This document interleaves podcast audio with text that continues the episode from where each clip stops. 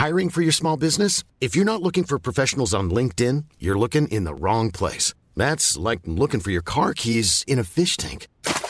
LinkedIn helps you hire professionals you can't find anywhere else, even those who aren't actively searching for a new job but might be open to the perfect role. In a given month, over 70% of LinkedIn users don't even visit other leading job sites. So start looking in the right place. With LinkedIn, you can hire professionals like a professional. Post your free job on linkedin.com slash people today. Systrarna Britton, din kropp, dina val. Det här är en podd om graviditet, förlossning och livet som förälder. Oavsett om du väntar barn, är mitt i familjelivet, drömmer om att skaffa barn eller bara är allmänt nyfiken så handlar det här om din kropp och dina val. Vi hoppas kunna hjälpa dig att göra medvetna, informerade val när det kommer till din kropp. Du lyssnar på systrarna Britton, Din kropp, dina val. Med mig och Kokwa. Och med mig, Asabia. Hallå allesammans. Mitt namn är Kokwa Britton Kavako. Hallå, jag heter Asabia Britton. Vi har en eh, gäst med oss här idag. Vill du presentera dig eller? Ja, det kan jag göra. Mm, jag heter Emilia Bergmark Jiménez. Är- Jiménez. Jiménez. Mm. Det är venezolano. Ja. Ehm, och jag är fotograf och um, doula Mm. och författare. Så kul att du är med. Du, du fotade ju också Opos eh, andra födsel. Ja, Det var mysigt. du och jag var där tillsammans. Mm. Ja, Jag fotade Jag också. har sett alla det här, men det var jättefint. Det var en, Jag är en glad. otrolig, otrolig eh, upplevelse. Jättekul att dela det med så många. Alltså Mm. att eh, alla kommer ihåg lite olika grejer. Det känns inte liksom som bara, "Åh, gud, nu måste jag komma ihåg alla detaljer själv. Det är också Tvärtom. så kul att ha bilder verkligen. För att jag tror att Jag kollade jag, vet, jag har ju så dåligt minne. Jag vet att jag inte hade kommit ihåg mm, 2 procent av... Alltså mycket av mitt minne är ju bilderna som man har sett Ja, i absolut, efterhand. ja. Men ni har ju också det, det är gemensamt, tänker jag, att nu bara kastar jag mig rakt in här och pratar Mm. födande direkt, men ni har ju det gemensamt att ni har valt att ha födslar, båda två, där det har varit många närvarande. Mm. Så att ni har valt att ha många stödpersoner på era födslar. Mm.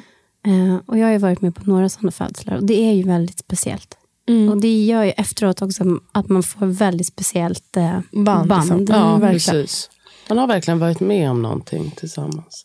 Det, det förändrar ju jättemycket, säger jag. Särskilt precis det när barnet har, har kommit och den här stämningen Ja. precis efteråt. Mm. Den är ju Vi någonting. hör ihop.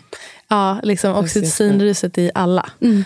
Är väldigt, väldigt, väldigt härligt. Åh, nu tänker jag på det i vardagsrummet där alla håller på att tåta på med olika grejer. Och man bara, "Åh, gud, jag har fått barn och alla är här. Nej, fan vad mysigt. Mm. Men hallå, hur mår ni?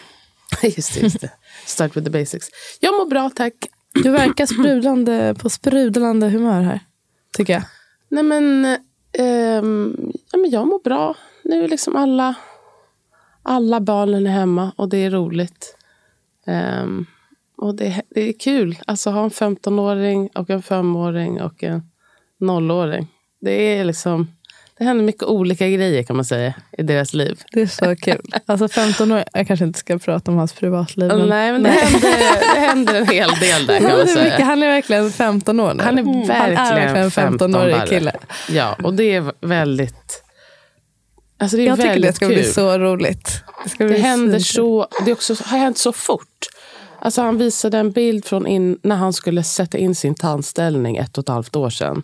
Då ser han ut som ett, alltså ett barn. Ja, Och nu liksom går han runt, kan aldrig ha en tröja på sig för att han ska han alltid träna visa också. sina Ja, magrutor. han har börjat Ah, träna. okej. har så stora dunkar med så här keratin eller vad heter det? Så här tränings... Kre, kreatin. kreatin. Ja. Ja, men så här Han har alltid varit lite spinkig, liksom, men Ja. nu är han, börjar han bli ripped. Det är också Ja, det är det. Han är liksom smal men liksom har bara muskler. Eh, vilket han älskar. Men han har liksom. blivit en snygg... Alltså han är lite... Ja, och framför allt, den som tycker han är absolut snyggast, det är han själv. Ja. Och det är underbart. Fan Alltså, vad det- gött. tittar sig i spegeln och bara står där och licking his lips. Och, ja, men det är jättekul. Det är Jag bara, lyssnar han underbart. på den här? Jag tror Det tror jag absolut, absolut. inte det. Och jag Nej. tror absolut ingen han känner gör det Nej, heller. Eller. Nej, men jag, kan, jag kan se fram emot det också Ja. jättemycket. Att eh, min son, han är fem, att Ja. han ska Alltså den en där resan. Ja, jag ser, alltså, så- verkligen längta efter det. Mm. Så mycket. När de går på fest och de ska vara kompisar på ett annat sätt. Liksom att han, alltså han är också mycket, på många sätt så mycket skönare tycker jag. För att jag känner bara så här, gud nu kan jag prata med dig. Alltså Mm, relatera till någonting som du säger. Och du också hör mig. Vi kan liksom prata med varandra. Mer än är- när han var ett barn. Ja, liksom, och det, han kan tänka lite själv. Och, nej men det är så. Det är faktiskt jätteroligt. Mm. Och också det, med utseendet, det är också att ta bort tandställningen. Då var man Oh, väldigt oh, nöjd. Det, oh, det oh. minns jag själv när jag tog bort min tandställning. Då kan, det är ingen som kan stoppa mig nu. Verkligen. Bara, oh, har ingen sagt att jag är faja? Alltså, ja, verkligen. Man går runt och slickar på sina Ja. tänder. Har, du också haft hans? Nej, Nej, hon har men- bara perfekta tänder. Ja, de är faktiskt Mm, helt de är jättefina. Thanks guys. ja, men jag mår bra helt enkelt. Ja. Hur mår du Tobbe? Eh, jag mår, det är trevligt att vara här. Jag, blev, jag kom hit en timme tidigt och eh, jag hade lite ont om tid liksom redan. Så Ja, jag så. känner mig lite stressad, men jag ska, jag ska varva ner. Komma ner i varv. Vad är nyhet? Mm, nu är jag här. Men jag har varit i Grekland, det har ju varit jättehärligt. Första familjesemester, alltså det var verkligen en så här småbarnssemester. Men det var jättekul. Men Jag har följt det på Instagram, såg helt underbar ut. Men jag trodde ju så typ att du var så här på Maldiverna. Bahamas. Nej, men jag vet, alla, Maldiv- alla frågade vart jag var så blev de så besvikna när det jag bara var i så, det var så Grekland. lyx, det känns som det var så här värsta lyx. eh, Ja, Men Grekland är ashärligt. Ja, alltså, Så jag ska inte Grekland. I'm going there, säger jag bara. Nu kände jag. Nej, men det var jätte, jätte, det var fint. Men vi, vi funderade faktiskt på typ Maldiverna eller något. Men jag kände bara, alltså timme två på flyget med barnen. Att, Nej, men det var väl urskönt. eh, urskönt att Det känns som ska. att det är du som bara utstrålar Maldiv. Alltså du bara åker någonstans, det känns Men- som Maldiver. Tack. Ja, jag vill ha den utstrålningen. men det är Grekland all the way. Men också mycket bättre, alltså, billigare att åka till Grekland. Alltså, mycket billigare, närmare, närmare. Bättre för miljön. Men om man ska underbart med det. Grekland. Gud, jag Ja. vill åka dit nu. Ja. Mm. Men me eh, det är dåligt för klimatet. Ja, jag vet att det är det. Men du har haft det underbart. Jag har haft det underbart. Fan vad skönt. Hur mår du Emilia? Jag mår jättebra. Ja, du kom också in hit med en energi som... Ja, nej, men jag mår God. jättebra. Det känns superkul att vara här. Ja. Prata med er om massa saker. Uh, så jag är taggad. Okej, vad ska vi prata om? då? Jag har sagt till Opoka hon måste styra skeppet idag för jag känner mig helt... Helt ett- fokus. ett Jag ska vrak. säga någonting innan vi drar igång. Ja, Eh, och det är att eh, vi har en kurs som heter hypnokurs.se. just det. Det får vi inte glömma att säga. Som är väldigt bra. Mm. Så ja, förlossningsförberedande kurs. Det var det. Som kommer att uppdateras snart. Och även om man köper den nu så får man med? Vad ska vi säga? uppdateringar. Vi kommer uppdatera med utökat postpartum. Så Mm. Det kommer bli ett liksom helt kapitel som är både till eh, den födande men också till stödperson. Mm. Och sen är det Amning. amning. Och så har jag en visualisering inför eh, kejsarfödsel som jag tyckte blev väldigt bra. Om jag får säga det Mm, själv. Ja. Verkligen. Och Jag kände att jag vill, det här vill jag göra. Ja, ja, men det är bara att göra det. Ja, nästa gång kanske. Ja. Exakt. Då blir det kejsarfödsel. Ja, men, Ja. Alltså, då har jag faktiskt prov, jag tänkt på det. För, alltså, jag skulle faktiskt inte, det skulle, in- jag ville absolut inte det första gången. Jag vill, har verkligen velat ha en vaginal födsel. Men jag skulle vara helt okej med faktiskt om det blev en kejsarfödsel nu. Eh, det skulle också, jag skulle mer se det som att men vad roligt, nu har jag testat fan, det mesta inom eh, födande. Det är, Så det skulle vara det är kul. som en empirisk Ja. erfarenhet. Jag kände det med inför första, då var ju en grej så här, jag måste testa sterila kvaddlar. Vad fan Mm. är det de håller på Kan det vara så himla jobbigt? Som de Jävligt. säger. Eh, Jag ville också, liksom, jag hade ju någon tanke på inte epidural, men om det blir epidural, också kul att ha testat Mm. det. Och, ja, så kanske kejsarfödsel nästa gång. Mm. Jag födde min son med kejsarfödsel. Mm.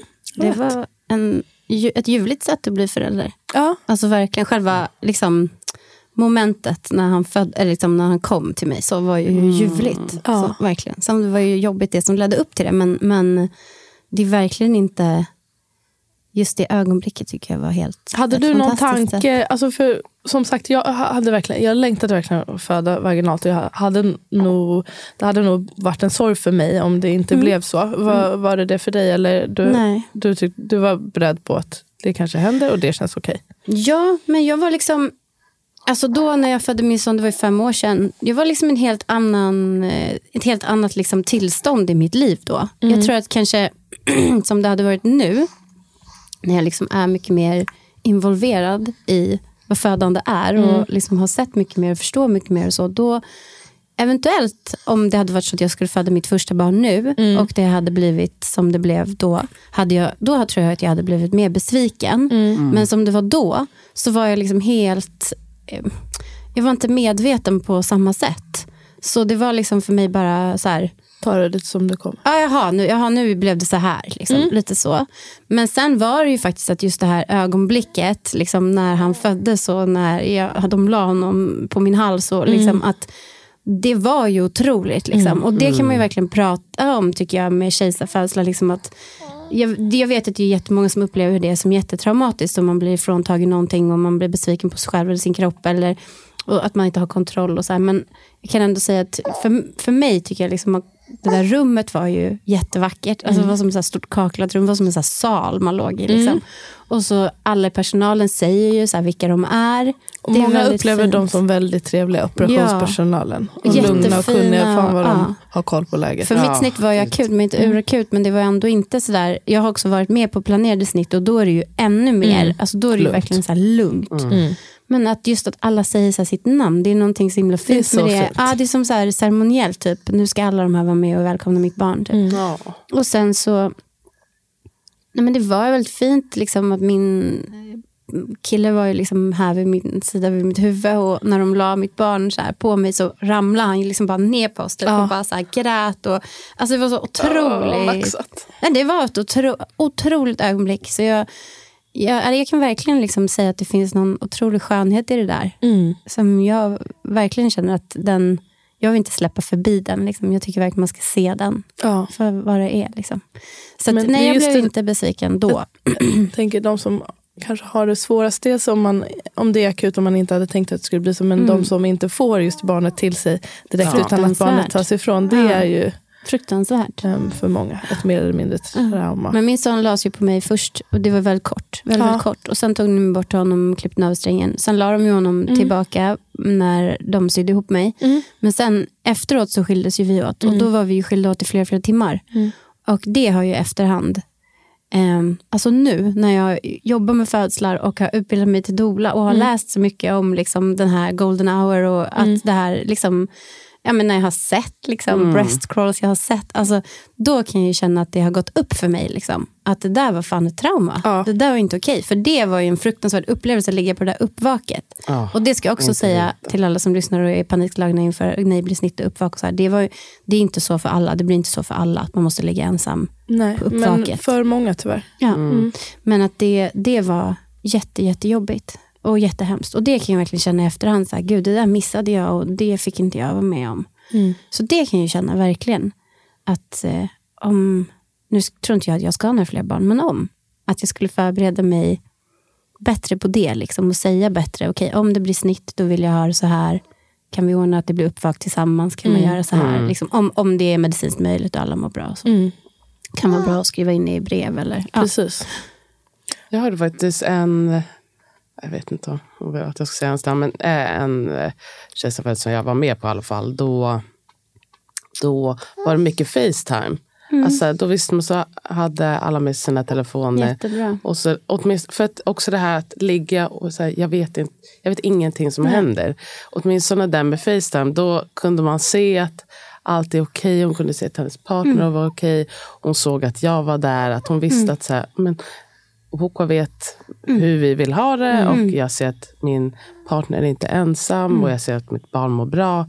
Och jag tror att det fanns liksom mycket lugn kom utav det. Sen så såklart hon var jättes liksom, spänd på att få komma. Men det var, kändes mer som att säga, nu jag kan inte vänta, vad kul det ska bli, vad kul det ska bli. Mer än, fan vad det här känns så himla jobbigt. Ovisshet, ja, precis. Jag tror det är jättebra. Jag tror det hade gjort Så. jättestor skillnad för mig.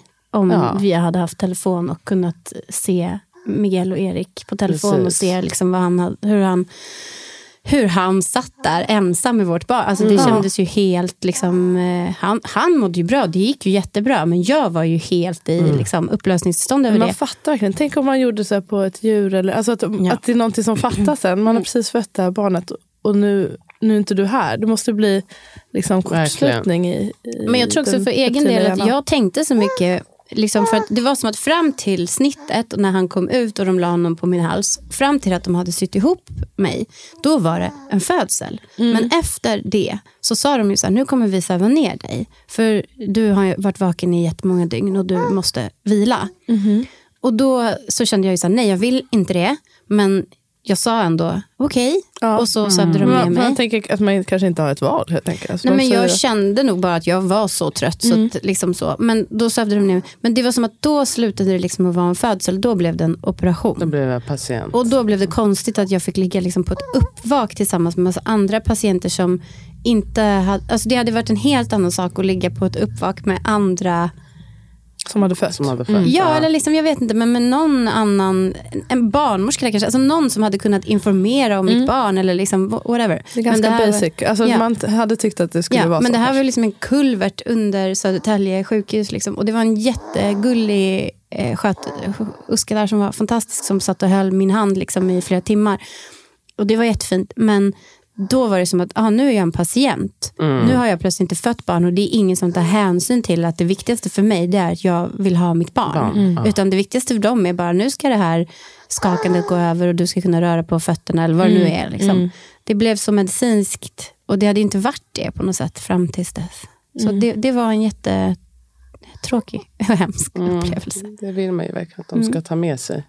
Det är, ja, det är ju det här med att alltså, olika avdelningar har ju inte så bra kontakt med varandra. Nej. Eh, och det är ju synd för att, ja. No, det det finns ju olika rutiner också. Men jag har ju varit med på planerade snitt som fotograf och doula och då har ju familjen fått ligga på uppvaket tillsammans. Jag förstår ju distinktionen, liksom akut snitt och, och inte och så. Men, men mitt barn mådde ju jättebra. Det hade ju gått jättebra att de hade följt med. Eller, Mm, liksom, precis. Eller att man hade kunnat ha uppvak på rummet på BB. Eller liksom. Exakt. Alltså, det går ju... Ja, det är bara att det, de, det är svårt med dels resurserna och att någon ska ta ansvar. Eller också Det är någon som, jag precis, någon ska ta ansvar och att tänka kanske lite utanför boxen ibland. Det är jättesvårt på ett rigitt sjukhus med riktlinjer och grejer.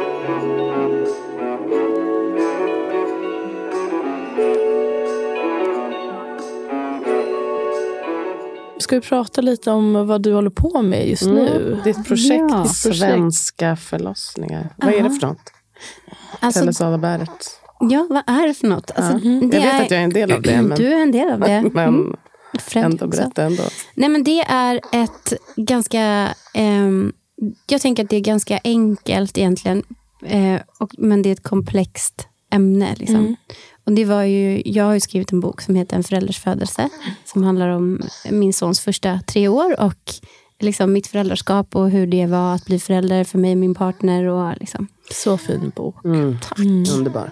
Tack. Ehm, det, den har ju eh, liksom förändrat mitt liv på jättemånga sätt för att den har, ehm, alltså det har varit så extrem respons från folk som har läst den. Så så det är ju en jättepersonlig bok. Eh, och responsen som jag har fått har ju också varit extremt personlig. Mm, och i den boken så berättar jag ju om min förlossning då som jag berättade om lite här också, eh, som slutade med akut snitt och så efter väldigt många dagar med verkar och så här. Eh, men det var ju, och, och då efter att jag födde min son så tänkte jag ju så här, fan man ska bli doula liksom. För den här, det var ju jätte liksom, märkligt med det här snittet och uppvaket och allting, men när jag väl fick träffa honom efteråt så var det ju liksom, alltså det var ju, Magi. alltså Extas. jag var så, ja, det var extas. Alltså, det var, jag var så hög som, hög som ett hus. Liksom. Och då i den där, liksom, pa, då kände jag bara, det här måste, Måste jag, jag göra få, hela Ja, jag tiden. måste få vara med om det här igen. Fan, Det är som en drog verkligen. Nej men det är Ja. verkligen, eh, ja vi kan prata om det, Dola High som man pratar om också. Om verkligen. man har varit med på en födsel. Men, eh, nej, men att då um, kände jag, gud jag, man kanske ska bli doula. Liksom. Och sen försvann den tanken bort in i dimman för att jag gick in i en eh, förlossningsdepression. Alltså jag fick som PPD, postpartum depression. Och vi hade jättetuffa, liksom första, första året jättetufft. Och jag skrev den här boken och liksom jobbade och sådär. Men då när jag hade mm, jobbat ja, men det var kanske två år efter att Miguel föddes, då blev jag tillfrågad om jag ville vara med och, eller om jag ville göra ett uppdrag, för jag jobbar som reklamfotograf, Mm. för en reklamkund, ett försäkringsbolag, om jag ville göra en film på en förlossning. Den har ni sett i tunnelbanan kanske? Ja, En den hänger i tunnelbanan. Ganska många gånger. Ja, den har gått på bio och tv. Mm. Och, ja, då mm, sa jag ja. Superkaxigt. Liksom. Mm. Absolut, gud. Liksom, jag är ju rätt person för det här. Mm. Inga problem. typ. Och sen så ja, men började vi då leta efter en person som vi skulle som, som ville vara med eller som ville att jag skulle vara med på dans förlossning och som också kände sig bekväm med att det här ska bli en film och en reklamkampanj och så. Eh, och sen så träffade jag en fantastisk tjej eh, och vi connectade liksom, och det kändes jättebra.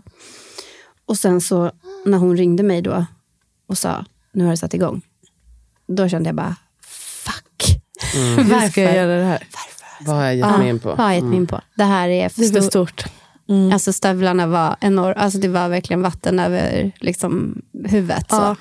Alltså jag var så rädd. Mina knän liksom darrade. Jag frös. Alltså jag bara, nej men fuck, fuck, fuck, fuck, fuck. Varför? Hade du förberett dig på något sätt eller hade du liksom gått in i vad det här innebär? Eller hade du bara tänkt att... Alltså jag hade förberett mig liksom professionellt kan man säga. Alltså Jag hade så här packat fotoväskan. Eh, liksom, och det, känd, det var ju ändå jättebra. För att när jag väl kom fram så var det ju också så här. Gud vad skönt att allting var förberett. Jag hade Ja. liksom stenkoll på allt. Det var så här. Så på det viset hade jag ju förberett mig. Men alltså jag hade ju tittat. Jag, men jag har kollat mycket på ditt eh, Instagramkonto innan. Och liksom mycket på förlossningsfilmer på en, liksom Instagram. Men i övrigt Alltså förutom den liksom litteraturen jag själv läste och så när jag själv var gravid och skulle föda barn. Så alltså, jag tänker lite att mitt perspektiv var nog, alltså, he, alltså det, det är så långt ifrån, alltså jag var så ovetande och oförstående egentligen. Och, och det är lite liksom fint att tänka det, att man kan vara det, liksom helt bara, okej, come what may, typ. Eller så här, ja, vi får se, typ så. Men det var ju också då när det här liksom blev en realitet, att jag skulle gå in i det där rummet som jag bara fattade så här, shit, jag är så rädd. Min egen förlossning som jag själv inte alls hade liksom tänkt var något trauma eller liksom, den bara kom så här, över mig som ett, ja det bara, och liksom alla de här tankarna som bara så här, det här är outrett, jag har inte gått igenom det här, jag har inte jag har skrivit den här boken i tre år och tänkt att ja, men det är terapeutiskt, men det är ju inte samma sak som att prata med någon. Nej. Eller liksom. Men sen så kom jag fram till SÖS och så stod jag där utanför den här dörren och så kom barnmorskan ut och så sa hon så här, men nu får du gå in. Och då var det bara så Jag får här. hjärtklappningar Ah. sådär. Det här ruset som man kan Nej, men alltså, känna jag bara då. liksom la handen på dörrhandtaget liksom, och bara tänkte så här. Jag är här för hennes skull. Alltså det handlar inte, Inte om mig. mig. Det är det bästa sättet att tänka tycker jag också. Alltså när man blir alldeles för Ja. nervös när man ska gå in. Det här handlar inte om Det mig. handlar inte om mig. Så jag bara öppnade dörren och gick in och sen så förändrades hela mitt liv i det där rummet. Det var liksom som att jag förstod. Eh, alltså, om någon hade frågat mig innan, i och med min egen födsel också, eh, så hade jag liksom, under hypnos, så om någon hade frågat mig så hade jag sagt så här, nej men alltså barn kommer inte ut vaginalt. Och det går inte. Nej, nej. För jag vet. Alltså det går, Det går inte. inte. Och det ändrade ju hon på i När det rummet. Jag fick se det. Och då förstod jag. Det går. Det är Det så går. viktigt att... Ja. Och det är så liksom, löjligt enkelt på något sätt att det så här måste ses med sina, man måste se det med sina egna ögon för att liksom förstå det. Men hon, alltså när de sa liksom nu, nu, det var två moment som var så jävla starkt. Och det ena var då att de sa så här, bebisen har jättemycket hår. Alltså att man kunde se liksom hans huvud och, och håret. Och då var det som att hon började liksom gråta och fick liksom bara den här jävla... an- Alltså så. Eh, och hon var så... Hon gjorde liksom sitt arbete själv. Alltså det var verkligen så här hands off och liksom respektfullt i det rummet. Det var så fint. Liksom. Hon gjorde verkligen allting själv. Och sen när han, eh, liksom, huvudet kom ut så sa de så här, vill du ta emot honom själv? Liksom. Och då, du vet de här händerna som bara skakar så här, så sträckte hon sig ner och tog emot honom och liksom lyfte upp honom så här. Och, och han liksom tittade på henne så med så ögonen och, och hon sa så här, han tittar på mig, han tittar på mig. Nej, men alltså, jag, ryser när jag, alltså, jag ryser när jag pratar om det för det förändrade mitt liv. Liksom. Och jag, film, jag stod och filmade då så här. Och Just det, du står ju med kamera. jag såg på kameran och mina händer bara darrade så jag tänkte så här, men fan får jag skärpa mig. Liksom. Måste hålla still. Ja, sam, samla dig, verkligen. Samla dig. Ja, men alltså, det var liksom min hjär- Det var som att någon typ skruvade av eh, liksom, locket på min hjärna och bara så här. och bara visade mig typ sanningen. Eller jag vet Ja, inte. visst. Ehm, och, och eh, liksom efter det så tänkte jag bara så här, okej men Alltså efter det, jag var, ju så hö- alltså jag var ju så hög när jag gick ut från den där födseln på morgonen. Du vet, ut bara i så här höstmorgonen. Livet. Ja, jag bara gick till Liljeholmen och köpte så här solrosor, typ så här mycket solrosor. och Bara dela ut till Jag vill all personal på min förskola. Bara, jag har varit med på en födsel. Så det var, alltså jag var som hög som ett hus. Det Eh, är något alltså. Nej men alltså, Dola High kallas det tydligen. Ja. Det var väldigt skönt när jag fick ett namn på det för det var... Alltså, Vad är det som händer? Ja. Eh, men, och då tänkte jag ju liksom så här, okej jag äm, har inte liksom bestämt mig själv för om jag vill ha några fler barn. Eller om jag kan få det. Eller liksom hur jag, jag liksom, men jag kände ändå att det här är någonting som jag måste liksom berätta om. Det kom lite efterhand efter att jag hade gjort den här filmen. Och det, för det, det var när den började gå sen på tv och den responsen som jag fick då Mm. var ju helt, för det är ju också den där filmen, folk grinar ju. Den är så vacker. jättefin. ja, nej, men den verkligen. är liksom... eh, Ljuden. Ja, nej, men det är... Det är på riktigt, alltså man känner ju, alltså ofta sådär på film och grejer, alltså det är väldigt uppenbart att det här är inte är verklighet. Och det är verkligen tvärtom med den här filmen, att det är väldigt uppenbart att det här är verklighet.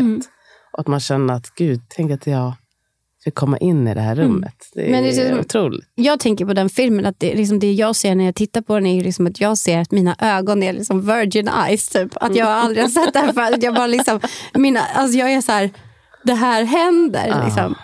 Ehm, men då, sen så gjorde jag en story om, alltså med familjens tillåtelse då såklart, en story på min Instagram om den här tillfället liksom, och berättade om det. Och det kändes också bara som att så här, nej men det, finns något här liksom som jag liksom, jag kan beskriva saker. Det är liksom det jag kan. Jag kan liksom skriva och, och fota. Det liksom, och någon måste göra det på ett annat sätt kanske än bara det som är gjort hittills. Alltså, det finns så mycket mer, så många fler aspekter till födande som är liksom existentiella och emotionella. Och, eh, kollekt, den här liksom kollekt, alltså nu när vi sitter här inne, alla sitter liksom med tårar i ögonen och pratar om det här. Det blir liksom en, det är någonting kollektivt, någonting som behöver liksom få finnas. Eh, och då började jag tänka på den här, ehm, alltså, för jag hade sagt till min redaktör, alltså när jag skrev kontrakt på min första bok då, eh, och det var ju 2018, alltså ett år efter min son föddes, så frågade hon mig, så här, "Va- har du någon mer bok i dig liksom, som du vill skriva? Och då sa jag bara, så här, ja, jag vill göra en bok om födslar. Och då kom det liksom väldigt starkt tillbaka, att så här, men det här, det, nu är det nog dags. Dags liksom. mm. Och sen så kom ju min eh, alltså en förälders födelse ut och det var mycket med det och liksom så. Eh, och sen så förra året vid nyår, alltså årsskiftet 2020-2021, då bestämde jag mig för att nej men nu är det dags. Mm. It's time. Och då utbildade du dig till do- doula också? Nej men det gjorde jag senare. för att då, alltså det var ju verkligen, jag var ju helt oerfaren egentligen förutom att jag hade varit med på den där födseln. Men att ha varit med på en födsel, det är liksom ganska mycket mer än vad de flesta människor många, har varit. Ja, verkligen. Ja, alltså ens Alltså- egen eller ens typ partners födsel är Ja. ju oftast den första. Ja. Och det, Och för många den enda. Ja. Alltså, De flesta är är med på med på sitt eget fler. barns födsel. Ja. Ja. Eh, och om man jobbar med födande är annorlunda, men de allra flesta är ju inte med eh, om en syster född barn eller ens kompis. Nej. Eller nej, liksom. tyvärr. Ja. Jag försöker verkligen Nej, alltså, peppa folk att eh, jag säger bjuda ta in. chansen. Och, och tacka ja om du får frågan. Om För du får vilken, frågan tackar jag. Vilken ära och vilken upplevelse. Snacka om att liksom också skapa band till varandra. Mm. Jag har varit med på många av mina vänners eh, födslar och det är som att, att se sin vän eller någon man eh, älskar föda barn. Det är det liksom steget. någonting Mm. Helt annat. man ser ju den människan, alltså även om man känner varandra så bra, Ja. man ser ju den människan ett helt annat i ett helt, ett annat till som också ett helt annat ljus. Ja. Att man bara, för jag, jag, vet, det har jag ju sagt förut, men alltså när jag varit med på både dina och eh, vår stora systers, att man bara, jag trodde inte jag kunde vara nu mm. jag börjar gråta, jag är väldigt blödig idag. Men att jag är, är så stolt över de här människorna, att jag sprängs. Jag ser att de, de gör ett helt otroligt jobb. Och liksom när jag tittar också på alla de här barnen och så tänker jag också på er i de här ögonblicken. Mm. Men det är någonting speciellt. Ja, det är jättespännande. Det är, något, det är liksom en, en det, Jag tänker ju ganska ofta på vad kommer jag tänka på på min dödsbädd. kan man tycka vad man vill om att jag tänker mycket på det. Men det är ju liksom fyra ögonblick i mitt liv som jag vet att de här ögonblicken kommer jag att tänka på. Att här har jag känt mig så nära livet, så nära andra människor och också bara, gud vad det är vackert att leva. Och liksom känt sån tacksamhet att jag har fått vara i de stunderna och vara med er. Och att liksom, ni är mina. Det är jättefint. Mm. Det är verkligen. Tack det är för det guys. Med, mm. Det är någonting med det där, den där stunden. Eh, alltså, eller stunden, men också det, det är ju ändå en ganska lång stund efter att man föder barn. En ganska lång tid när man är sådär otroligt skör. Mm. Alltså att bara man... Öppen. Liksom. Ja, när man är så öppen. Och den, det smittar ju av sig mm. på alla som är i rummet. Jag tror det är därför man reagerar så här också när man pratar om det. För man går tillbaka till det. Mm. Alltså när jag berättar om henne när hon lyfte upp honom och sa han tittar på mig, tittar på mig. Alltså det är som att jag där är liksom den här hinnan mellan livet och döden och allt som spelar liksom roll. Mm. Den är så tunn. Och när jag tänker på det så kommer jag liksom tillbaka in i det. Och den föreningen är otroligt stark. Det är det. Att man kan ju mötas där. Ja. Även om jag inte var där ja. så kan jag ju ja. mötas i den Och man har liksom sett känslan. en person i det tillståndet när den där liksom hinnan är genomskinlig på något sätt. Det är så jävla stort. Det är så jävla stort. Det är också något annat än att liksom alltså vara den som föder själv. Ja, ja. Alltså då är man ju där, men man är ju någon annanstans mm. också på ett sätt. Alltså det är ju något med att vara med när någon annan föder, upplever jag i alla mm. fall. Alltså det är en helt annan um, känsla. Det känns jätteviktigt att prata om tycker jag. Hur, vad det är, alltså den känslan och, och just för att också jag tror att många är rädda för att nej men gud, jag skulle aldrig våga vara med om någon jag känner födde barn eller det skulle kännas läskigt. Eller liksom, men att... Tror du det? Jag alltså, ännu mer tror jag att folk är så här, att man tycker att det är för intimt att fråga. Alltså, man vill våga, inte tränga sig på. Man, ja. mm. nej, men jag tänker alltså, bjuda in till sin egen födsel. Alltså, det, det är för... Jag vet inte om det känns som ett stort krav att ställa på en vän eller om man känner att är, man kommer känna sig för blottad. Alltså jag tror att för mm. många är så främmande att ta in någon mer in i det här mm.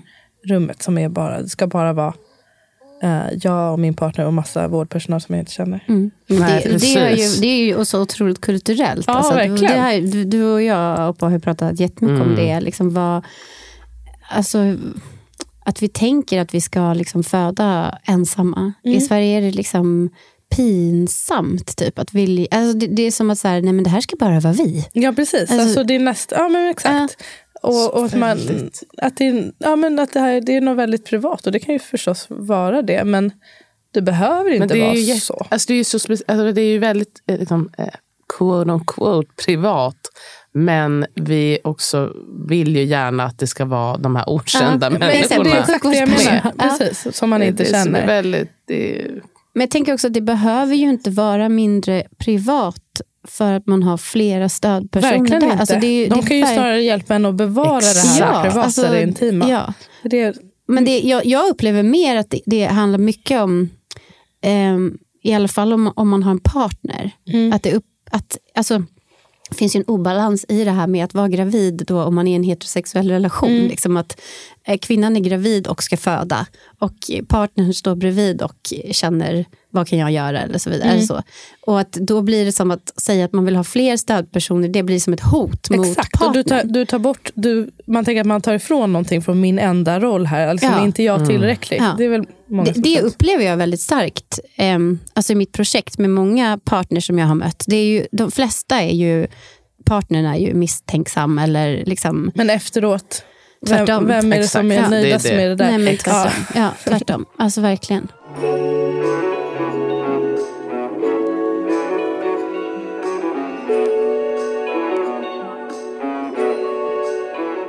Men då, då i alla fall tänkte jag att jag skulle börja med mitt projekt. Då. Mm. och då tänkte jag, okej vad ska jag göra? Vad är det här? Liksom? Och då bestämde jag mig för att jag skulle kalla det för svenska förlossningar. Det är ju någonting som har hängt kvar. Det var ju liksom ett arbetsnamn. Men det var för att jag ville att det skulle känna, vara så ganska torrt. Alltså så torr inramning typ. För att ämnet i sig är så otorrt och så komplext. Så jag ville liksom bara ha väldigt enkelt för att jag skulle kunna vara fri i det här. Liksom. Så då tänkte jag så här, okej jag ska fotografera och skriva om födslar. Och fotografera och skriva om hur det är att föda barn i Sverige på 2020-talet. Mm. Ehm, och liksom bara så här, vara med. Alltså det blev väldigt så här, idén var ganska empirisk. Så här, jag ska vara där. Får vi se vad som händer. Typ. Mm. Eh, och så, så har jag liksom som en metod där man får mejla till mig och sen mejlar jag tillbaka information. Och så får man ta ställning till den och sen har vi ett möte och så får man ta ställning till det och sen träffas vi och så får man ta ställning till det och sen när man väl har bestämt sig så om allting funkar så är jag med. Var det många som ville, Ja. många som nappade? ja. Hur många? Alltså den första dagen när jag la ut det på sociala medier fick jag flera hundra mejl. Wow. Så att, eh, Otroligt. ja. Eh, och det har egentligen varit throughout, kan man säga, ett extremt stort intresse. Det man kan säga är att det är väldigt homogent, gruppen som är intresserade. Och det har ju varit en väldigt stor utmaning för mig. Vita medelklass Ja, kvinnor. som är väldigt pålästa och känner till sina rättigheter. och liksom... ehm, ja, men det är ju också ett väldigt stort antal eh, hemmafödslar. Mm. Och det, det blir ju, det är vilket är ju svin bra att vara med det, men det blir ju inte heller så representativt Nej, för och det är svenska också ett liksom, privilegierat perspektiv ändå på många sätt. Liksom. Även om det inte bara är, är liksom... Alltså det finns alla möjliga olika människor som föder hemma och man kanske finansierar det på jättemånga olika sätt. Så, men, men, Men det, också bara ens att veta att man har den möjligheten. Alltså det blir också... Ja. nej, men det, Exakt. Ja, Bara att man är i Stockholm. Alltså, ja. Och, det, och sen så är det ju också att jag är i Stockholm. Så det är ju också just För nu... du reser inte för det här projektet? Nej, men jag ska. Mm. Men inte just nu. Men det, jag ska göra det, tänkte jag, sista liksom, svängen i projektet. För det måste också Ja. ut i. Ja. Ehm, men då så var det massa folk som mejlade och då var det ju också liksom pandemi. Så jag, jag pratade med alla sjukhus och de sa bara absolut inte. Du får absolut inte vara med. Nej. Ehm, mm, och då bestämde jag mig för att jag skulle vara med på en hemfödsel. Då, det första för att ja, Där kan man göra Ja. vad man vill. Exakt. Eh, där kan man göra precis men man så. kan Mm. faktiskt det. Nej, men det kan man. Eh, och sen så eh, var jag med dem och så slutade det med att de åkte in i alla fall. Mm. Eh, och då åkte jag med dem och var dola. Och då fick du vara där? Ja, jag fick vara där för att eh, jag, ehm, de födde med Cayenne Ekjord. Ah, Okej, hon Ja. följde med. Nej, hon följde inte Nej, med, okej. men hon ringde in Mm. och sa att de har med sig en dola. Och då så sa hon, tjejen som, eller sköterskan som de pratade med, sa liksom att du var BB Stockholm? Eller? nej, det var ett på SÖS. Men Ja. då sa de, ja men det går bra. Ah, okej. Ja, för Dola, det är ju in, i, nästan bara i Stockholm. Alltså Dola var ju väldigt tidigt Mm. välkomna på sjukhus. Det är till exempel i Skåne, de fick ju vänta väldigt länge. Nästan Alltså ett under år. pandemin. Ja. Mm. Ja.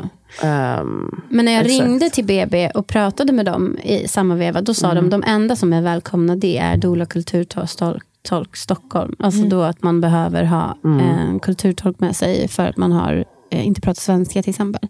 Men det är såklart också beroende på vem som sitter i telefon. Det är ju Alltså, så alltid. Ja, och Alltså, då ringde Cayenne och så den här tjejen vågade väl inte säga nej till Nej, Cayenne. nej. är- och, så, och då åkte jag med in där. Och då återigen var det den här känslan av att okej nu har jag tagit mig vatten över huvudet. Liksom, jag är inte dola. Nej. Eh, men liksom Cayenne bara tog tag i mig, bara tittade mig i ögonen och bara, du är en dola. Jag liksom ser det, jag känner det, nu gör du det här. Liksom. Och då kände jag igen också det här, bara, det här handlar inte om mig. Nej. Jag får bara slänga det här åt sidan. Det spelar ingen roll vad jag är eller inte är. Det här handlar om dem, jag ska vara stöd för dem. Jag ska vara här. Liksom. Cayenne är eh, hembarnmorska och Mm. är känd av alla som vet något veteran om kan man säga. Ja, en, Hemfödslar. en av de liksom mest etablerade. Eller liksom, Hon, på, ja, hon och Ann Petrén är väl de Ja. som har hållit på längst med hemfödslar i och hon Stockholm. har också eh, liksom grundat det här som kallas för dyk. Tekniken. Ja, dyktekniken. Ja. Mm. Ehm, nej men och då så var jag med på den födseln och det var också liksom en helt otrolig upplevelse. Helt liksom, ljuvlig upplevelse. Um, men efteråt så kände jag att jag hade... Alltså, Har fler verktyg? Eller? Ja, och att jag kände liksom, gud jag behöver debriefa med någon. Mm. Jag, jag kontaktade ju dig då. Eh, och, och för att jag bara, jag måste pra, prata Ja, liksom, om vad jag har varit med om. Eh, så när jag kom hem, när jag kom liksom innanför dörren där på morgonkvisten, det första jag gjorde var liksom bara googla så här, ja. Ehm, och sen var jag med på ytterligare en födsel, en hemfödsel. Med ett barn som föddes hemma i en förlossningspool. Och då var det en doula med. Och jag som fotograf då. Och det var också väldigt tydligt att det var också en helt annan upplevelse. Att vara där som inte den enda stödpersonen. Eh, Utöver partnern. Mm. Och det var ju liksom partnern, hembarnmorska, dola och jag. Eh, och det, det blev så otroligt tydligt för mig. Liksom, man kommer ut från den födseln med, liksom, man känner att man bara går på, liksom, bara, you're fired. Typ. Ja. Alltså, du är bara så här, allt. Men när man är själv, då blir man helt utpumpad. kan ju bli lite dränerad kan man ju bli. Ja. För man måste ju vara närvarande mycket mera och kanske på ett annat Ja. sätt. Kan jag tänka mig. Jag vet inte hur det är att vara fotograf. Men Ja, men det, ja. Vilket man, alltså det är också en anledning just till som partner att man borde vilja ha en extra person där Ja. som just kan avlasta Ja. Mm. och eh, hjälpa till att ge stöd, inte bara till den som föder men till en själv. själv. Ja, Och också alltså- att man kan få vara närvarande. Att man inte Mm. behöver tänka så mycket på att hämta och fixa och bla bla bla. Mm. Liksom, du ska ju också bli förälder. Det är ju toppen om du kan få möjlighet och tid att liksom sätta dig in i det och inte vara så här, nu måste jag verkligen hålla på och liksom lyssna på vad personalen säger eller titta på de här apparaterna Mm. eller hämta det ena med det tredje. Utan då är du där med din partner och så kan den andra stödpersonen hålla på och fixa lite annat. Ja, och jag tänker Liksom. att för mig i alla fall, jag tänker ju varje gång att liksom jag är ett stöd åt er. Alltså, det, det handlar ju verkligen, Mm. såklart att en födande är liksom centrum, men, men det är ju verkligen en team effort på många Och, sätt. och mycket är också att jag ska ju stötta partnern i att vara det bästa stödet för sin partner. Exakt. ja, man kommer till För- den födande exakt. genom partnern. Liksom det, För de känner ju varandra bäst. Ja. Och det är ju oftast den som den födande vill ha närmast. Så vad kan jag göra för att underlätta för partnern att vara ett bra stöd? Ja, men Emma Philipsson, förlossningspodden, hon sa också så himla smart grej. Att hon sa så här, det finns ju absolut födande som inte vill som kom, inte kommer vända sig till sin partner för stöd. Mm. Eh, men de kommer inte göra det ändå, även om inte dolan är där. Liksom. Det, det, och liksom, det är någonting annat som det handlar om i sådana fall. Liksom. Eh, Det, är, eh, det är en diskussion ändå i sig. Ja, verkligen. Det, alltså, det, det finns så Verkligen. många diskussioner i det här. Det är verkligen ett outtömligt ämne. Och så mycket saker som man också är lite så här, mm, ska jag säga det här, ska jag inte säga det här, ska jag liksom, vad, vad är min roll? Alltså, ja, men det är väldigt spännande. Jag tänkte bara på en grej med det här med att det är en del av sve- svenska kultur med att man, det ska vara något väldigt privat. Men det, är också, det genomsyrar också förlossningsvården, alltså kulturen där. Att jag vet inte hur ni som doula har känt, det kanske har blivit bättre nu, men att många barnmorskor upplever kan vara främmande till att det ska komma in fler. Och jag har absolut upplevt det när det är ja, men andra kulturer där man har med sig många, att det har motats. Alltså det finns mm, barnmorskor som sätter upp egna små regler för att här inne får det inte vara mer än Så så ja, många. Det är tydligen eh, förbjudet. Och när man frågar lite så här, men varför då? Då har man inte riktigt svar på det. Men här inne gör vi så här, för det är så jag alltid har gjort. Liksom. Så att det är inte heller... ehm, det är kanske inte alltid är den lättaste saken att kräva och liksom ta in så många som man vill. Men jag uppmuntrar liksom ändå folk att göra det. Och barnmorskor, herregud, att släpp in. Alltså, tänk, tänk efter, varför spelar du... Va, hur försvårar det Eller ditt hur? eh, arbete? Det, det känns ju också lite som det här med partner. Att vara så här, känner man kanske sig lite hotad? Ja, Man känner sig Ja, kanske också absolut. lite Granskad. granskad. Mm. Ja. jo, men det är ju Eh, absolut Istället så. för att se att det finns så mycket fördelar med att ha flera stödpersoner där. Speciellt om man inte har möjlighet att vara inne på rummet, vilket väldigt många barnmorskor inte har. Ja. Då borde det bara vara jätteskönt att gud, det är några som håller på och fixar allt det icke-medicinska i alla Ja. fall. Vilket är en liksom väldigt, väldigt stor del av en födsel. Det är ju, liksom, har inte med det medicinska att göra. Så. Men jag kan ändå uppleva att det har ändrats lite med tanke på också belastningen på vården. Att det är mycket positivare till doulor och extra stödpersoner. Kanske också att man är van vid det Ja. mer. Men däremot alltså när det kommer till den kulturella aspekten, alltså vissa kulturer där man har mycket familj där, och så, där är ju också en alltså, ren Rasism. rasism. Ja. Ja, absolut. Eh, absolut. Varför man tycker att det här är... Alltså det, man har hört så sjuka grejer om... Nej, men det, och, ja, men jag har också hört det här att det finns, eller folk pratar om att det är kulturellt skrikande, att folk Ja, skriker ja, i ja. olika kulturer och de här kvinnorna skriker så mycket när de föder. Alltså det, Jag har hört, så, alltså jag har hört någon, eh, på någon praktik, någon barnmorska som påstod att, också, att det är vanligare för eh, somaliska kvinnor att de har hög basalfrekvens på barnet till exempel. Alltså att de, de ofta har det för att barnet är lite mer stressat tydligen på dem för de är så uppe i varv och så. Det där är ju farligt Sjuk att påstå sådana här saker som är grundat i ingenting. Alltså som kan ha jätteallvarliga konsekvenser och som har allvarliga konsekvenser, det vet man ju.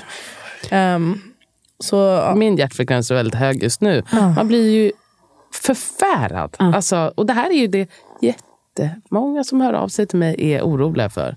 Jag vill liksom inte gå in dit och redan innan vara orolig för att du har massa tankar om mig som du som baseras på absolut ingenting. Du känner inte mig. Åtminstone har jag en annan svart person med mig så vet jag att den personen inte har massa förutfattade meningar om mig.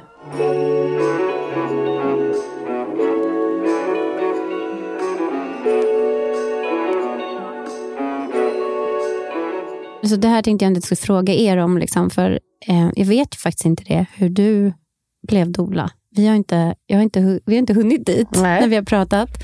Eh, men för mitt perspektiv har ju varit, eh, liksom, jag har ju varit väldigt okritisk till vården. Alltså jag har ju haft en väldigt liksom, come with me inställning. Alltså när jag skulle föda barn själv så var det ju väldigt så här, jag kan tänka mig allt. Typ ge mig alla epiduraler, bedövningsmedel. Varför skulle man någonsin vilja föda hemma där man inte kan få tillgång till allt det här? Alltså, min ingång i det har ju varit, det har ju verkligen inte kommit från något sånt liksom, perspektiv där jag har varit mm, intresserad av något naturligt födande. Liksom, det, det, jag kommer från ett helt annat håll in i det här. Eh, Lita på vården helt enkelt. Att det här kommer väl de hjälpa mig med. De ja, eller liksom dels att jag litar på vården jättemycket, men dels att jag också hade noll kunskap. Alltså noll Mm. kunskap om det fysiologiska födandet. Eh, fast jag trodde att jag hade det, för att jag hade läst alla liksom vanliga Vad hade du läst då? undrar jag? men läst liksom att föda och Mm. eller, em, föda utan rädsla. Och, alltså, liksom så. Men på något sätt, jag gick också en sån profylaxkurs. Eh, och, och det kändes ändå som att eh, på något sätt så lyckades jag ju med all den informationen som jag tog in ändå komma längre och längre och längre bort från vad ett fysiologiskt födande är. Liksom. Okej, på vilket sätt? Ja, men vi pratade om det lite du och jag och på att det här med profylax, liksom, då höll de ju på med det här att man ska Vrida. nypa i låret. Eh, och då är det ju så här, man, Vadå? nyp, Att, och så kunna andas igenom ja, det? man nyper låret och så ska man andas igenom. Men då nyper man i låret och då andas man så här. Alltså, eh, och Vad sen, var det här för profylax då? Alltså, Alltså, det var någon... vanlig profylax. Vad kan de heta? Okej. Annas profylax. Alltså, det, Ja, någon jag prof- inte... Ja, profylax. det, det finns en som heter Andas profylax. Men hon kanske... Ja, okej. Ja, jag vet jag inte, vet inte men- om man fortfarande lär ut det här hyperventileringen. För det, det känns ju som... Det, alltså, Ja, jag, det känns alltså som, nu motsatsen. efterhand känns det som en grottman. Eller liksom, men då, då nyper Ja. man i låret och så andas man så här. Och sen när det gör ännu under, då går man ju upp en växel. Man har liksom tre andningssteg eller vad det är. Och, men, men själva syftet med det är ju, blir ju så här. Nu gör det ont, nu gör det ont, nu gör det ont, nu gör det, nu gör det inte ont längre. Gud, nu gör det inte ont längre. Alltså, att det, och att man ska överleva. Jag ska överleva den här Exakt. smärtan. Nu ska jag överleva. Och vi gjorde, jag och min kille, vi nöp så mycket i låret. Du vet. Vi övade verkligen på Också det här. nypa i låret. Det är liksom, och sen när det väl är igång då är det bara så här, vad fan. Nej, men du, det alltså, har inget med det här att göra. Nej, Det ingen... nej. Och också att så här, det handlar ju inte om... Alltså, om, om någon kanske hade gjort tusen nålar och sagt så här, slappna av. Ja. Slappna av. Alltså så här, lagt sina händer så på mig. möt Tryck det här nu. Möt det här nu, var i det här. Gå emot våga, att ja, spänna men dig. våga, våga finna ner med axlarna, sjunk ner. Alltså, men det här var ju tvärtom, det här var ju liksom Alltså så upp, upp, upp, upp, upp, upp, upp och sen ah, nu är det över. Åh gud vad skönt, nu är det över, nu är det över till nästa verk. Eh, och liksom, jag, vill, jag kan ju reservera mig med att säga att det var kanske jag som uppfattade det så. Men mm. Men typ Jag är inte föda- säker på det. Jag utan rädsla är det ju ändå var- lite mer åt det andra. Alltså de försöker väl ändå... Där tycker jag det är ganska tydligt att man ska göra tvärt emot. Eller att man ska hitta den här avslappningen och vara tung och så vidare. Men det jo, men det är inte... mycket snack om att vara tung och man ska tänka Ja. ner. Och det, var liksom, men alltså, det där gick mig liksom över huvudet. Vad betyder det egentligen? Ja, det är svårt att förstå. Och Kanske. att jag liksom inte lyckades uppfatta ordet oxytocin en enda gång Nej. under den här liksom, tiden som jag förberedde mig. Så att jag har ju kommit in i det här från ett helt annat perspektiv än vad jag kan tänka mig ändå att ni har gjort. Mm. Kan inte du berätta lite om hur du, när du liksom bestämde dig för att bli doula, eller var, var det kom ifrån? Liksom? The short version.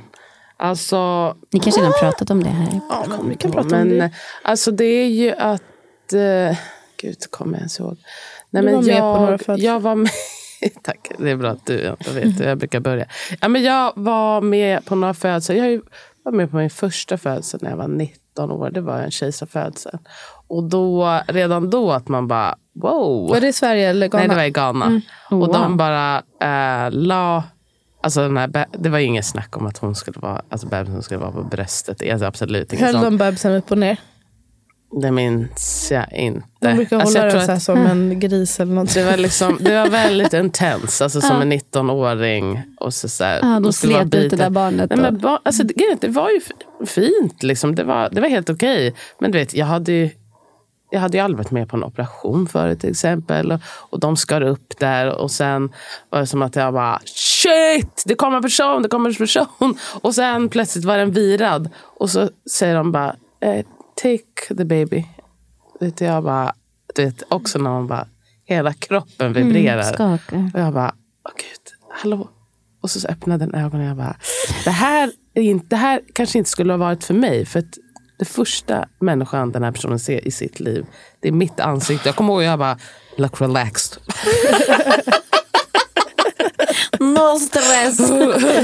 ja, och så, så pratade jag svenska med den. Och så kommer jag ihåg, bara, du kommer aldrig höra svenska igen. Och det här är helt otroligt. Och redan där liksom sås ju ett frö. Det är ju något särskilt som sagt. Men sen åren gick.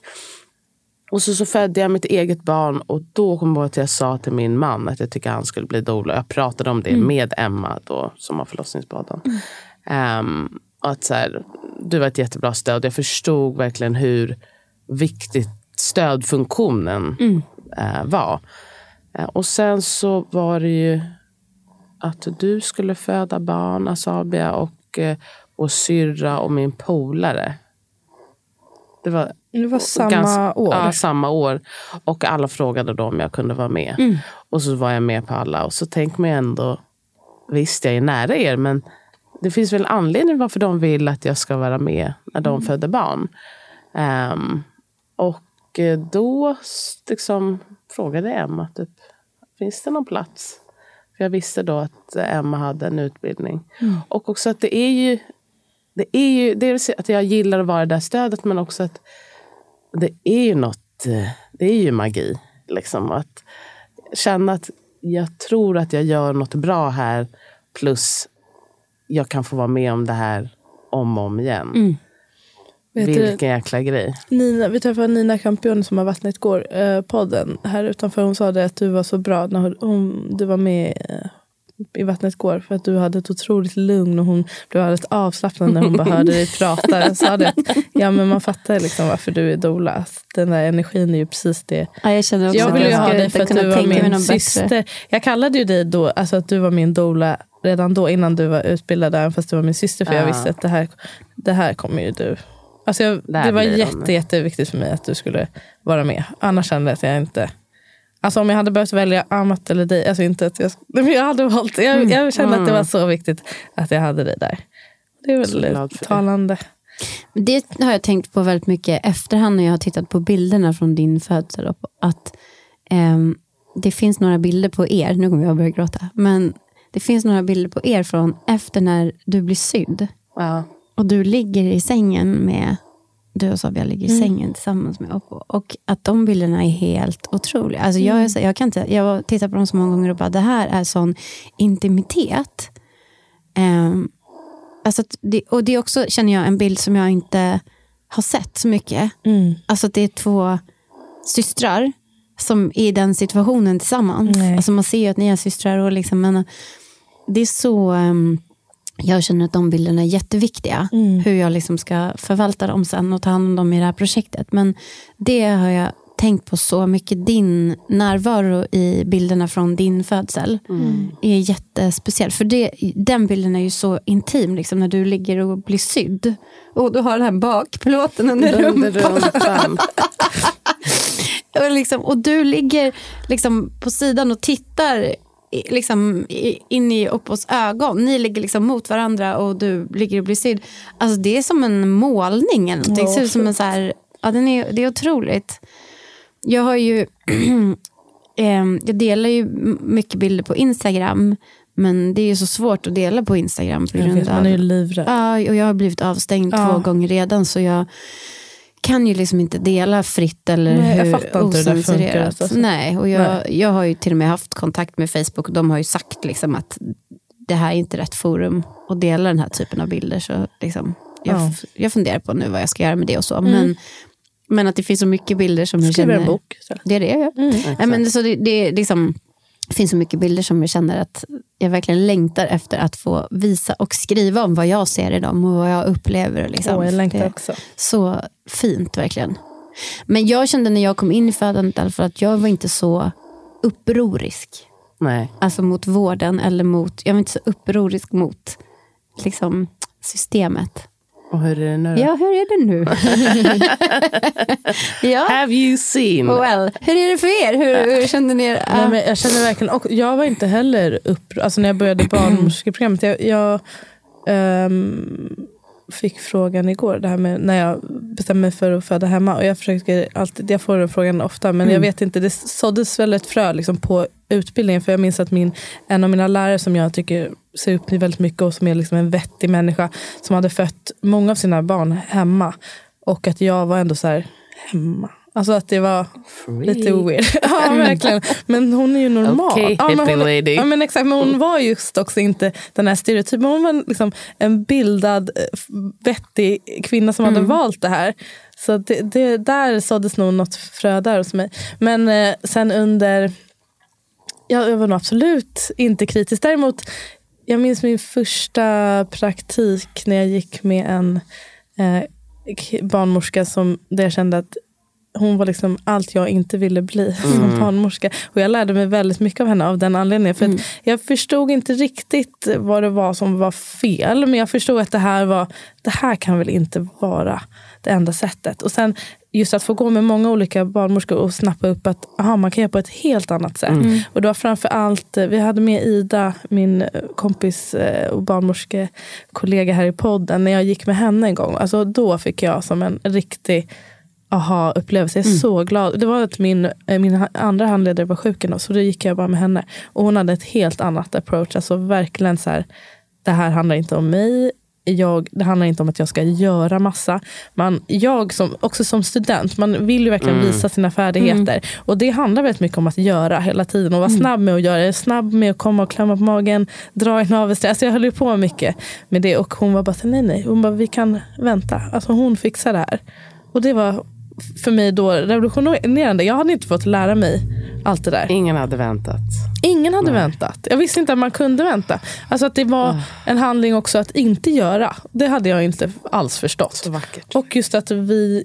Det här handlar inte om... Alltså du, behöver inte, du har en roll utöver att bara göra sjukt nu. saker, säga saker, kommentera allting. Liksom håll käft. Men det är så sjukt nu tycker jag när man står på andra sidan och man ändå är mer påläst. Och det ska man ju verkligen säga. Så här, jag, alltså, du och jag, vi är ju inte barnmorskor. Vi är ju liksom intresserade av födande och liksom, utbildade det- Och det är ju något helt annat. Men man, vet, man vet mycket och då blir det ju som att Helt plötsligt tänker man att alla vet det, men det blir så tydligt när du säger så här att jag visste inte ens om det här att inte göra. Nej. Och det är ju ändå så de allra flesta tror att en födsel är. För det som ni har också unikt som när man är doula, att ni har fått uppleva något som många barnmorskor inte har. Att få följa, att dels känna den som man bistår.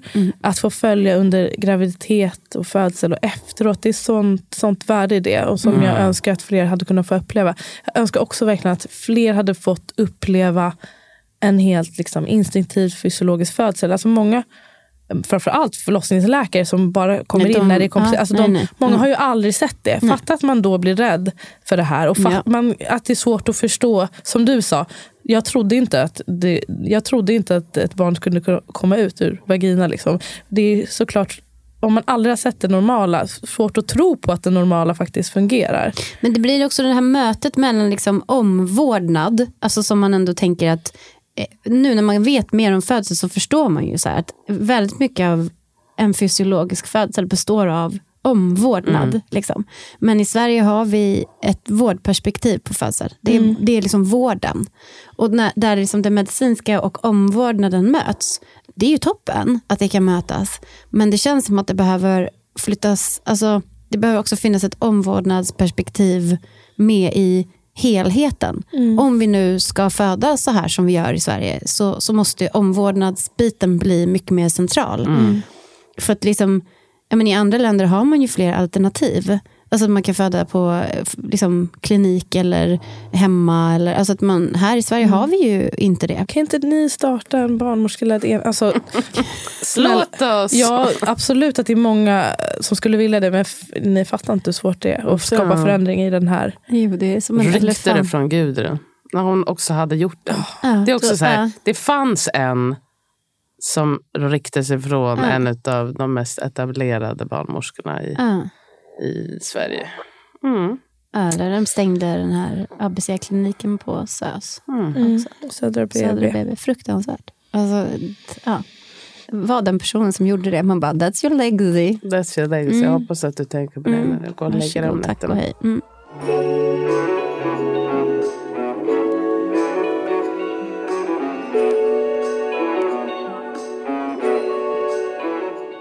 Sa ju det, att du, har lä- du läste ändå mycket, men att det gick över huvudet. Jag tycker det där är så svårt att få, få folk verkligen att förstå vad jag menar med hur, liksom, hur känsligt födandet är för olika intryck. Och, alltså att det är ett sånt känsligt förlopp, det tycker jag är svårt att få fram. Alltså att folk verkligen fattar det om man inte upplever det själv.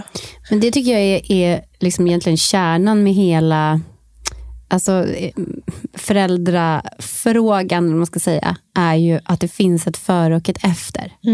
Och, och det är jättesvårt att prata, alltså när man är i efter, är det väldigt svårt att prata till de som är i före. Före. Och det här pratar jag ju jättemycket om i min bok också. Att, för det jag hör mest, ju, både i, i egenskap av författare till den här boken, eh, men också som fotograf och doula som ska vara med på födslar eller i efterhand, är att folk säger så här, varför var det ingen som sa? Och då Men de vill jag kanske sa. poängtera att de sa. Alla sa.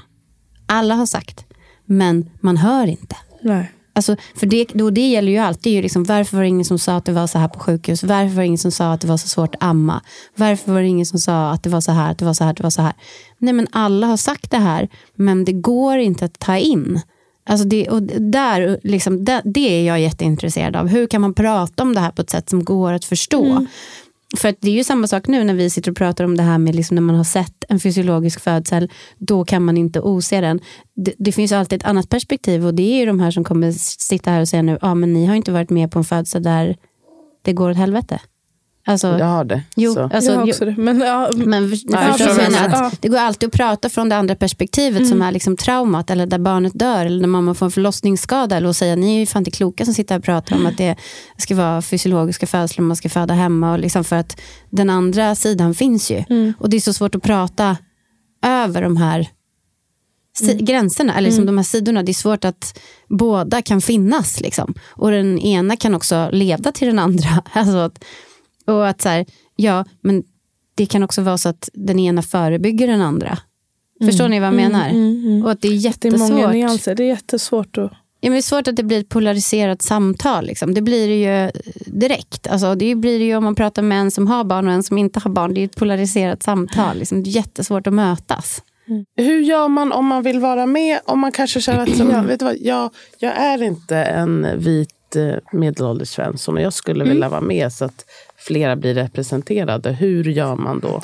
Alltså, då blir jag så glad om man hör av sig till mig. Och Då mejlar man bara på svenska forlosningar gmail.com. Svenska Har du annars, alltså, känner du att du har tillräckligt nu med anmälningar? Över, alltså, du har så att det räcker för boken? Nej, Nej. alltså jag har sagt upp som en, jag har satt upp som en, eh, ett antal med födslar Ja. eh, som jag ska vara med på. Eh, och det, jag har satt upp ungefär 25 stycken. Eh, och jag har gjort cirka hälften. Mm. Eh, så det är mycket, mycket kvar. Okej. Och det är ju, jag har ju sagt också att jag ska fotografera födslar det här året ut och eventuellt halva 2023. Mm. Så det är ju ett långt projekt Mm. det här. Och meningen med projektet är att det ska bli en bok eh, och att det ska bli en utställning, en stor utställning. Ehm, så, och jag känner att man får jättegärna höra av sig. Mm. Alltså, Fråga alla kanske får frågor. höra av sig. Och Mm. ska man, har du några krav på vad, hur mycket man eh, ska vilja visa? Ja, man måste, det finns ingen anonymitet i projektet förutom att, och det vet ju du, att när jag lägger upp bilder på dig så taggar jag inte dig till exempel. Nej. Eh, utan, men, men man ska vilja vara med med ansikte eh, Och kön? Och, kön. Alltså, det, man, om man känner sig osäker kan man ju titta lite på liksom förlossningsbilder som finns på Instagram till exempel och se. Ja, men det är ju inte alltid man ser ett kön. Nej. Alltså, det kommer ju ut en bebis. Det, man, det, det kan ju vara liksom. Och jag är ju också väldigt följsam när jag träffar de här personerna och anpassar mig efter vad, hur det känns. Och liksom. eh, men man ska ändå, det som är viktigast för mig är att man vill vara med och berätta den här historien. Det är liksom det som är det viktiga. Det är ju många som hör av sig och man kan uppfatta att deras önskan är ju kanske helst att få bilderna själv. Ja, Och okej. det är också, det, det är ju möjligt och det kan man ju göra. Men jag gör inte den typen av uppdrag. Jag tar inte liksom betalt för att göra det här. Utan Nej. jag gör det här som en del av mitt projekt och det är en transaktion. Och det måste man vara medveten om. Sen så finns det ju alltid ehm, som med födslar en liksom, aspekt av att det är ovisst. Och att det kan vara så att när man har varit med så vill man inte. Nej. Och då respekterar jag det. Jag kommer aldrig liksom, publicera bilder eller mot någons vilja. Utan det bygger på att det ska vara en ömsesidig vilja att berätta om hur en födsel kan vara. Hur en upplevelse kan vara. Så det är ju själva liksom, Det är väl Poängen. också därför jag har alla de här mötena och så, så att man verkligen känner att alla vet vad de ger sig in på. Ja, för det hade varit jättetråkigt för mig om att det hade uppstått i efterhand. Och det är mycket hellre då att man får säga, och det har jag haft, liksom, familjer som har gått in i projektet och sen sagt innan födseln, nej det känns inte bra. Eller nej, jag kom på att du ska visa de här bilderna, det kändes inte bra. Eller liksom. Och då är det ju mycket bättre att man säger det innan. För att det är ju ett väldigt stort jobb att vara med på en födsel, det vet vi ju Gud, allihopa. ja. Att det, och man är jour och det är en stor insats, det kan ta lång tid, man är jättehyped up, alltså det är mycket Fixa energi. med sin Ja. familj. Och, Ja, så att det, det är ju en stor insats. Liksom. Så att jag vill ju att det gärna ska kännas vattentätt. Men om det ändå uppstår en situation som gör att man känner i efterhand, nej jag vill faktiskt inte, det ändrar sig. Eller, men det är ju ett långt projekt också. Det är de som var med, de första som var med, de var ju med för ett år sedan. Deras barn är ju stora, alltså de är ju ett år nu. Och så här, så man kan ju ändra Tänker du sig. göra någon uppföljning? Så, eller det, det är själva födseln som är ett, inte prata? Jag träffar Om dem de- efteråt och Mm. fotograferar liksom ibland en gång till. Men, men, eh, och jag har ju kontakt liksom med de allra flesta. Men alltså jag har ju en sån liksom, löjlig dröm, typ när man ser något mål, någon målbild. Man ska, jag liksom gillar ändå att ha det. Att jag tänker att när boken kommer ut, Alltså att, det, att jag Att alla kanske ska ska, fira det. Liksom. Och Ja. att, alla, att det kommer vara en massa barn där Ja. som liksom är med i boken. Ja. Att det skulle kännas så mäktigt. Liksom. Ehm, men det är ju väldigt långt fram. När, kom, när är tanken att den släpps? Alltså det blir ju 2023 då, Ja. allra tidigast. Så att, och jag, alltså, det finns ju också, jag känner ju också lite att jag förstår ju mer och mer, ju mer jag jobbar med det här projektet och det bara växer och växer och blir mer och mer komplext. Liksom, för att just att det är så många förgreningar. Och så här, okay, ja, nu har jag varit med på massa födslar, men det är väldigt homogen grupp. Okej, nu måste det utvecklas. Så nu måste jag jobba med att få in liksom, andra typer av familjer, andra människor. Andra, liksom, det är en sak. Sen är det ju också så här, ja, men, tvillingfödslar, snitt, vaginala födslar, planerade snitt. Alltså det, det är massa olika liksom, soft... Historier du vill Ja, med. Är exakt. det någon, sär- kan, vill du göra en liten kontakt? Alltså är det någon särskilda födslar du önskar lite mer nu? För Men, att fylla på alltså tvillingfödsel hade jag jättegärna velat vara med. Mm. Eh, och sen så finns det ju en sak som också är väldigt svår att prata om. Mm. Men det är ju att jag tänker ju att jag ska ha med en stilla födsel. Alltså ett barn som inte lever. Mm. Eh, och det tänker jag att jag hoppas att det kommer liksom uppstå organiskt någonstans på vägen. Att om jag finns där ute och jobbar, om det här händer det här fruktansvärda liksom, beskedet eller att mitt barn lever inte i magen längre. Eller liksom, att någon kanske bara kan säga, men den här personen, Emilia, hon finns, hon kan vara med. Mm. Alltså, det, låter, det är inte så att jag hoppas att det Nej, ska hända, nej. men, alltså, det förstår ni vad jag menar. Men det Ja, det känns händer. jätteviktigt att representera det, för det Verkligen. händer, det är en födsel, det är ett föräldraskap. Ja. Ehm, så att det är ju någonting som jag, liksom, jag fick en förfrågan precis när jag började projektet om att vara med på en stilla födsel. Men jag fixade inte det. Nej. Det var för tidigt. Ja. Eh, men att det, det är som alla de här, det är ju det här att det, det kräver en otrolig liksom, fingertoppskänsla. Men det jag hoppas är att allt det här ska uppstå liksom, organiskt och att, liksom, att jag, jobbar, jag jobbar på. Jag gör mitt bästa och, och, liksom, och att då kanske det här liksom, ordet också på något sätt sprids. Och, liksom. Men jag förstår ju lite också varför, man tänker så här, men det här måste ju ha gjorts. Alltså så. Det, måste ju, det, liksom, det här måste ju någon ha gjort. Någon har gjort den här boken redan. Men Jag tror inte det. det har ju inte det. För att det är för mycket jobb. Alltså det är så sjukt mycket jobb. Och det är ju komplext att vara med på födelsedag, man ska vara jour. Det, är liksom, och allt, det ska ju funka, det är ju det. det ska ju, och nu har det ju varit pandemi också, så liksom minsta lilla förkylning har ju Exakt. Liksom gjort att det inte har gått och så vidare. Så att det, ja, jag kämpar. Kämpa på. Det är vi Ja. tacksamma för. Ja, men jag är så tacksam mot er. Tack så hemskt mycket för att du kom, Ja, Emilia. verkligen. Du får komma tillbaka. Jättegärna och berätta. Verkligen Tusen tack. uppdaterat. Tusen tack. Puss och kram guys. Hej då med er.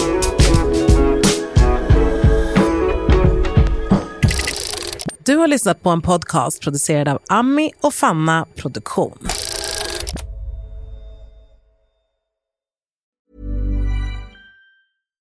Hi, I'm Daniel, founder of Pretty Litter. Cats and cat owners deserve better than any old fashioned litter. That's why I teamed up with scientists and veterinarians to create Pretty Litter. Its innovative crystal formula has superior odor control and weighs up to 80% less than clay litter.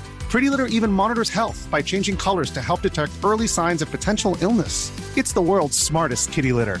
Go to prettylitter.com and use code ACAST for 20% off your first order and a free cat toy. Terms and conditions apply. See site for details. Mom deserves the best, and there's no better place to shop for Mother's Day than Whole Foods Market. They're your destination for unbeatable savings, from premium gifts to show-stopping flowers and irresistible desserts. Start by saving 33% with Prime on all body care and candles. Then get a 15-stem bunch of tulips for just $9.99 each with Prime. Round out Mom's menu with festive rosé, irresistible berry chantilly cake, and more special treats. Come celebrate Mother's Day at Whole Foods Market.